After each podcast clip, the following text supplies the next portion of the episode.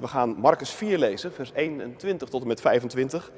En dat begint met het voorbeeld over de kaars en daar vertelt Jezus nog een aantal dingen eh, bij. We horen vanmorgen het woord van God uit Marcus 4. Jezus zei ook tegen hen: De lamp wordt toch niet binnengebracht om onder de korenmaat of onder het bed te worden gezet? Is het niet om op de standaard te worden gezet? Want er is niets verborgen wat niet geopenbaard zal worden. Er is niets gebeurd om verborgen te blijven, maar opdat het in het openbaar zou komen. Als iemand oren heeft om te horen, laat hij horen. En hij zei tegen hen: Let op wat u hoort. Met de maat waarmee u meet, zal er bij u gemeten worden. En aan u die hoort, zal er meer bij worden gegeven. Want wie heeft, aan hem zal gegeven worden, en wie niet heeft, van hem zal afgenomen worden, zelfs wat hij heeft. Tot zover de lezing. Dit is vanmorgen het woord van God voor u, voor jou, voor mij. Gelukkig zijn wij als we het woord van God horen, dat bewaren in ons hart en daar ons vertrouwen op stellen. Halleluja. Amen.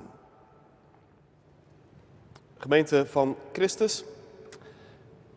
Ze vertelde haar verhaal eind november, hier in deze kerk. Voor de podcast Dit dus. Om precies te zijn, ze zat aan deze tafel. En ze vertelde daar hoe ze op haar achtste werd gescout als jong turntalent.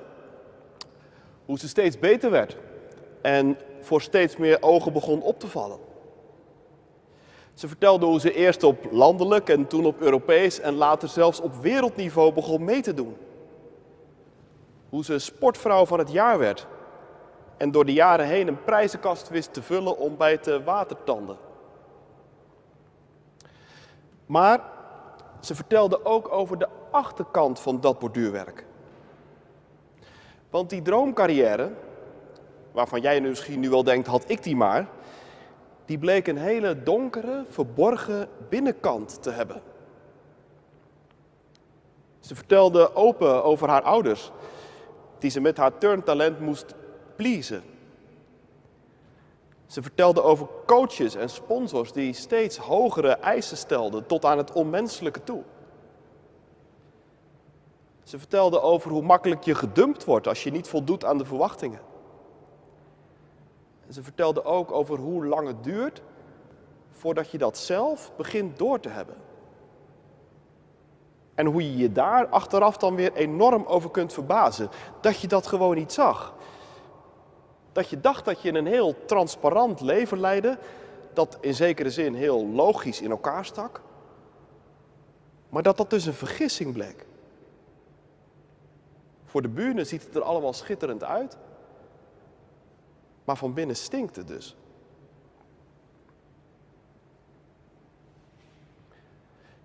Nou, in Marcus 4 gaat het over precies die kant van het leven. Over het verborgene en over het rafelige. Het gaat over alles wat je aan de oppervlakte niet direct ziet.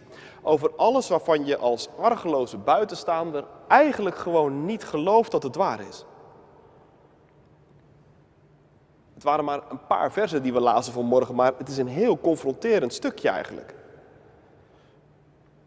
Want ik weet niet of je het herkent, maar van de verborgen dingen wil je toch heel vaak niet dat ze waar zijn. Zo'n onthullend debat over de toeslagenaffaire deze week. Dat er zoveel dingen verborgen bleken te zijn, dat wil je gewoon niet weten. En de keuzes die jij zelf dag in dag uit maakt, dat die vaak veel minder redelijk zijn en veel minder goed doordacht dan je voor waar wilt hebben, dat wil je toch ook niet graag weten. Wij bedriegen onszelf heel graag. We willen gewoon dat topsport alleen maar prachtig is. We willen gewoon geloven dat alle mensen deugen en betrouwbaar zijn. Dat onze keuzes en onze motieven transparant zijn. Dat onze spijkerbroeken, onze chocola en onze mobiele telefoons gemaakt worden zonder dat er ook maar één luchtje aan zit. Dat is wat wij graag willen geloven. Maar Jezus zegt dus dat het anders is. Jezus zegt dat er heel veel verborgenheid is. Echt heel veel. En iemand schreef dat er zoveel verborgen is, dat is misschien wel het grootste raadsel van ons hele leven. Want verborgenheid, dat staat niet op zichzelf.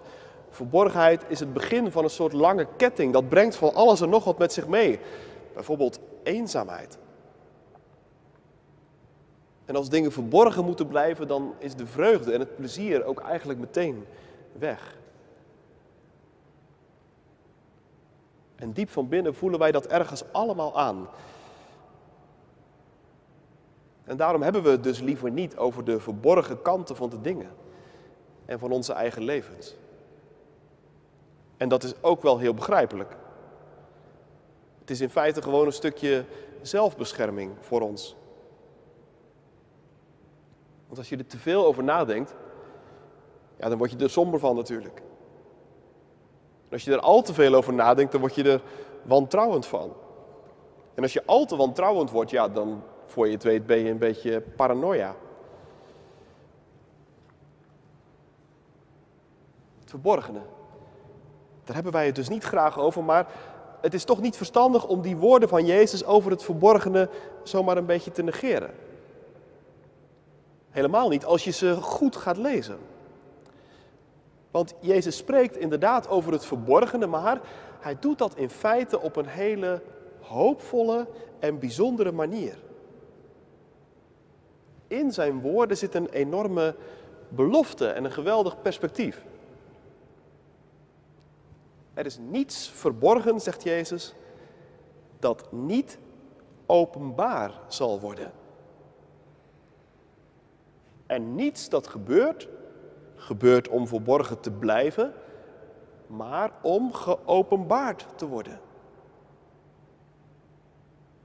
Dat zijn enorme woorden. Er is niets verborgen dat niet geopenbaard zal worden. Dat is een dubbele ontkenning.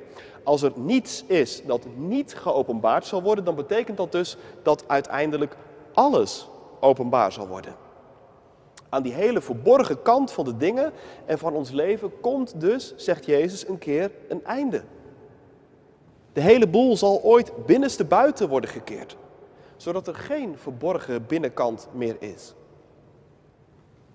Dat is, zegt Jezus, waar het naartoe gaat. En dat geldt voor de dingen zoals ze zijn. Maar, zegt hij, het geldt ook voor de dingen die gebeuren.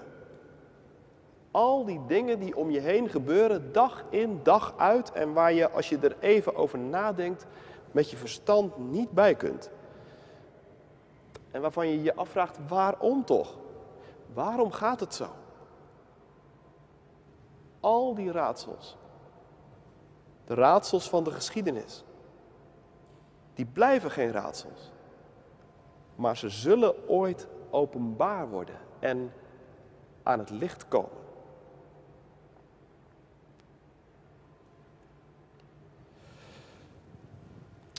Poeh, zeg je. Dat is mooi. En als je het zo zegt, dan, dan hoop ik daar ook wel echt meteen op. Maar ik ben eerlijk gezegd ook wel benieuwd hoe dat dan in zijn werk zal gaan. Wie gaat er nou openbaren wat verborgen is? Nou, in dat kader verwijst Jezus dus naar een lamp of een kaars. Kijk eens naar een lamp, zegt Jezus. In die tijd waren kaarsen en olielampen de belangrijkste lichtbronnen, dus je moet aan zo'n soort lamp denken. Nou ja, zeg je misschien, dat stelt dus ook niet zo heel veel voor, hè? Zo'n kaars of zo'n olielampje. Het is in deze kerk nu helemaal niet zo erg donker, dus misschien als je thuis meekijkt, zie je eigenlijk amper dat deze kaars brandt. En je hebt gelijk. Een kaars is eigenlijk maar een kwetsbaar ding. Eén tochtvlaag eroverheen en de kaarsvlam is uit. Ja, maar toch, toch moet je een kaars of een olielampje ook weer niet onderschatten. Want dat ene kleine flakkerende vlammetje kan wel degelijk het verschil maken. Stel je voor, jongens en meiden, dat je opgesloten zit in een ingestorte mijngang, zoals in een goede film nog wel eens gebeurt. Dan maakt die één lucifer in het donker, die maakt een wereld van verschil.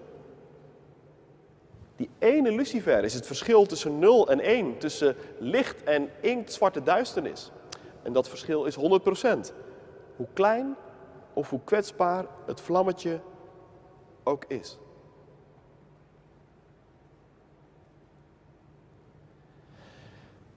En nou zegt Jezus over die lamp ook nog iets aparts. Hij heeft het niet over zomaar een lamp, maar hij heeft het over een lamp die komt. In de vertaling die wij lazen over een lamp die wordt binnengebracht. Daar zit dus beweging in. En omdat dat er zo heel typisch staat, denken veel uitleggers dat Jezus ermee verwijst naar zichzelf. Hij is die lamp. Hij is die kaarsvlam. Hij is degene die gekomen is en die binnengebracht is in deze wereld om de verborgen dingen aan het licht te brengen. En die uitleg die past ook heel goed in de rest van dit hoofdstuk. We hebben ze niet gelezen, maar hieromheen staan de gelijkenissen van de zaaier, die je waarschijnlijk wel kent, en ook van het mosterdzaad. Dat zijn allebei grote gelijkenissen die iets duidelijk willen maken over de manier waarop God in deze wereld aan het werk is. Die iets duidelijk willen maken over de manier waarop God in deze wereld bezig is, binnenkomt en wat voor effect dat heeft. En de gelijkenis van de kaars wil hetzelfde zeggen, weer op een andere manier. Jezus, Hij is het licht van de wereld. Zoals hij ook het zaad is dat gezaaid wordt. En zoals hij de zaaier is die zaait. Hij is degene die schijnt in de duisternis. Ja, en wat laat hij dan zien? Welke verborgen dingen maakt Jezus nou openbaar? Nou, ik denk dat je in de eerste plaats dit moet zeggen. Jezus, de kaars, de lamp, Jezus maakt de verborgen dingen van God openbaar. Tot nu toe had ik het telkens over de verborgen dingen in onze wereld en in onze levens. Maar ik denk dat je moet zeggen dat er ook nog iets aan vooraf gaat. Want niet alleen wij zelf hebben verborgen dingen en verborgen kanten. En niet alleen de gebeurtenissen, de dingen die gebeuren in de wereld hebben een verborgen kant. De Bijbel maakt er ook geen geheim van dat God voor ons verborgen is. U bent een verborgen God, zegt de profeet Jezaja ergens. Wij verlangen wel naar u, maar we kunnen niet bij u komen. We weten dat deze wereld van u is, Heere God, en dat alles spreekt van u. Maar begrijpen kunnen we het niet. En daarom sta je als christen op een bepaalde manier ook altijd heel kwetsbaar in deze wereld. Een godsbewijs, waar je sceptische vrienden misschien wel eens om vragen, dat is nog een hele klus. God gaat zijn ongekende gang, zegt een lied. Vol donkere majesteit.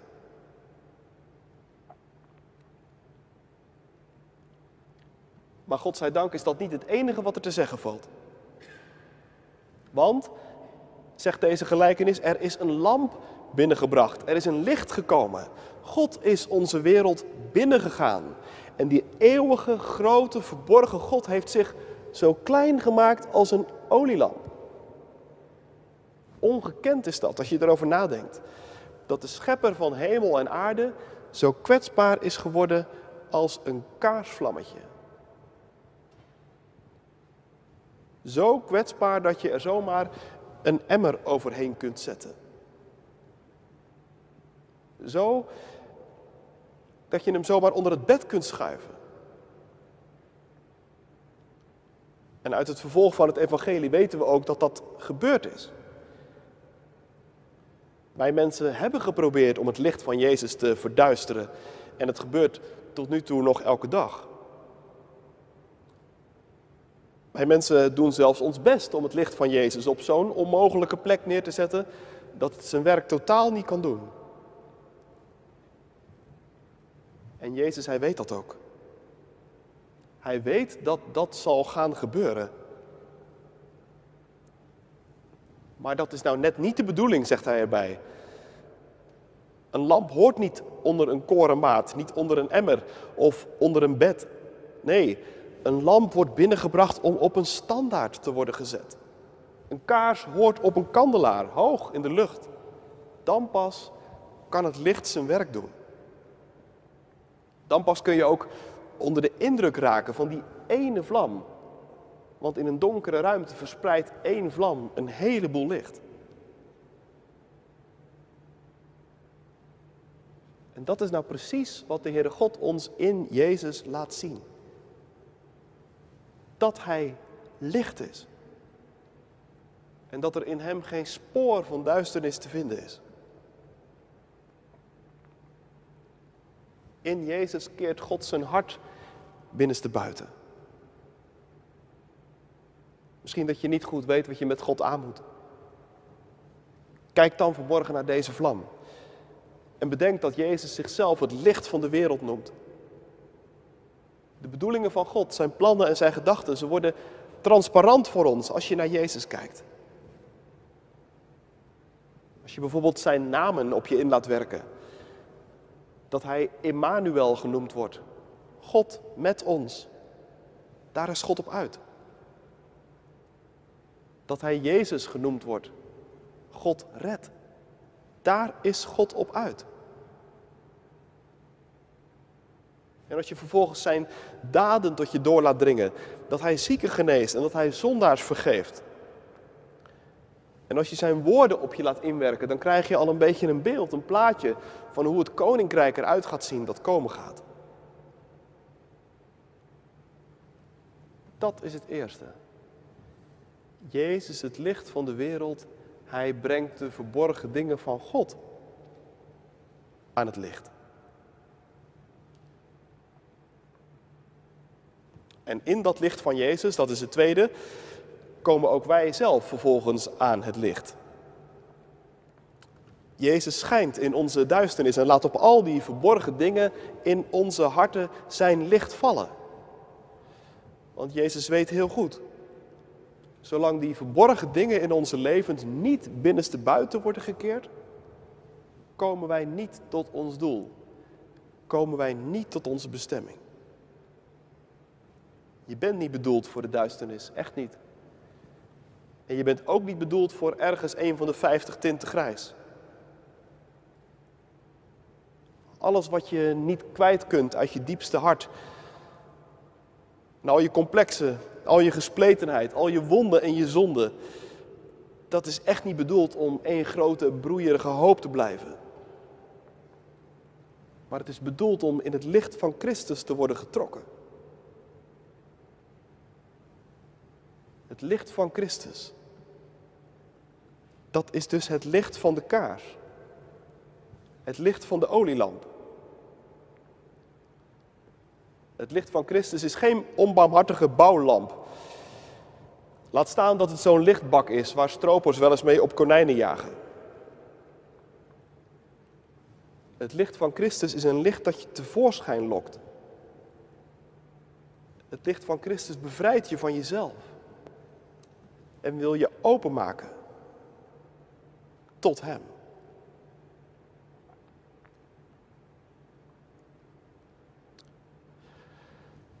En van dat licht leven wij. Het licht van Christus, de lamp die gekomen is en die binnengebracht is. En, en dat doet ook iets met ons. Dat zet ons hele leven op zijn kop in een ander perspectief. Het geeft ons hele leven een nieuwe focus. Daarover gaan die andere paar versen in dit stukje. Wie oren heeft om te horen, zegt Jezus, die moet wel horen.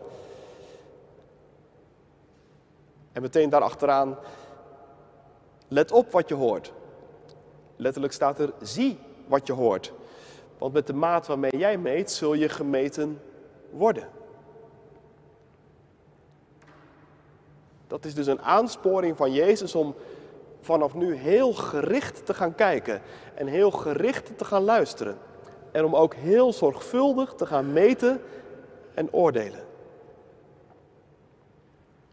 Let even goed op de volgorde. Horen, zien, meten. In alle eerlijkheid, ik draai dat vaak om.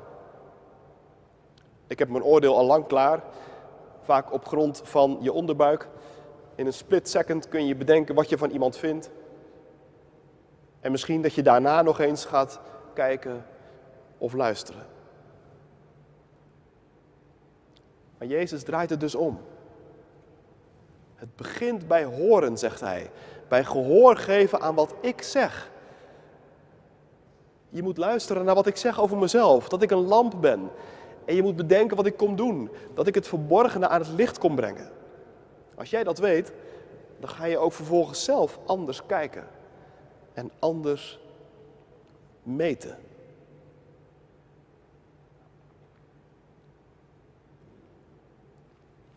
Lijkt me belangrijk voor ons allemaal om mee te nemen voor morgen. Maar ik kijk nu ook even naar een aantal mensen die hier zo'n beetje rondom mij heen zitten in deze kerk. We hebben in deze dienst een dienst waarin we afscheid nemen van ambtsdragers en waarin nieuwe ambtsdragers worden bevestigd. Vier van jullie nemen afscheid en zeven treden aan voor het eerst of voor een tweede termijn. En waarom heeft de kerk nou ambtsdragers? Nou, precies hierom. Om ons bij deze les van Jezus te houden. De les van horen, zien en meten. Als ambtsdrager draag je er verantwoordelijk voor dat de maat waarmee wij meten in de kerk niet zomaar de maat van de wereld is, maar dat dat altijd de maat van Christus is. En dat de ogen waarmee we kijken altijd de ogen van Christus zijn. En dat we met onze oren altijd het meest gespitst zijn op Zijn stem. En om ons daar allemaal in voor te gaan, daarvoor zijn er ambtsdragers, daarvoor zijn jullie er.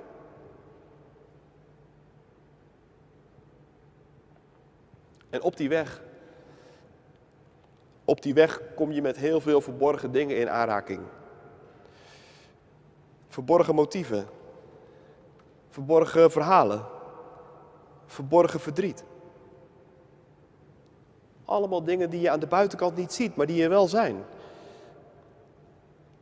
Maar dat zijn dus dingen die erop wachten om geopenbaard te worden.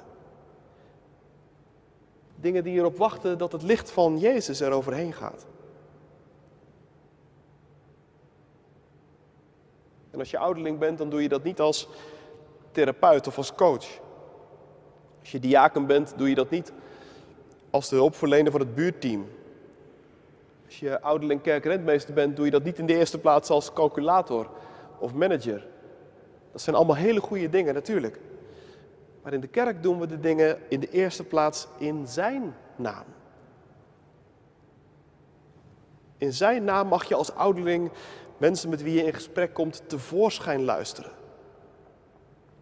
En in Zijn naam mag je als diaken in situaties binnenstappen waar hulp nodig is. En in Zijn naam mag je als kerkrentmeester meten en wegen wat het beste is voor Zijn gemeente hier in Utrecht.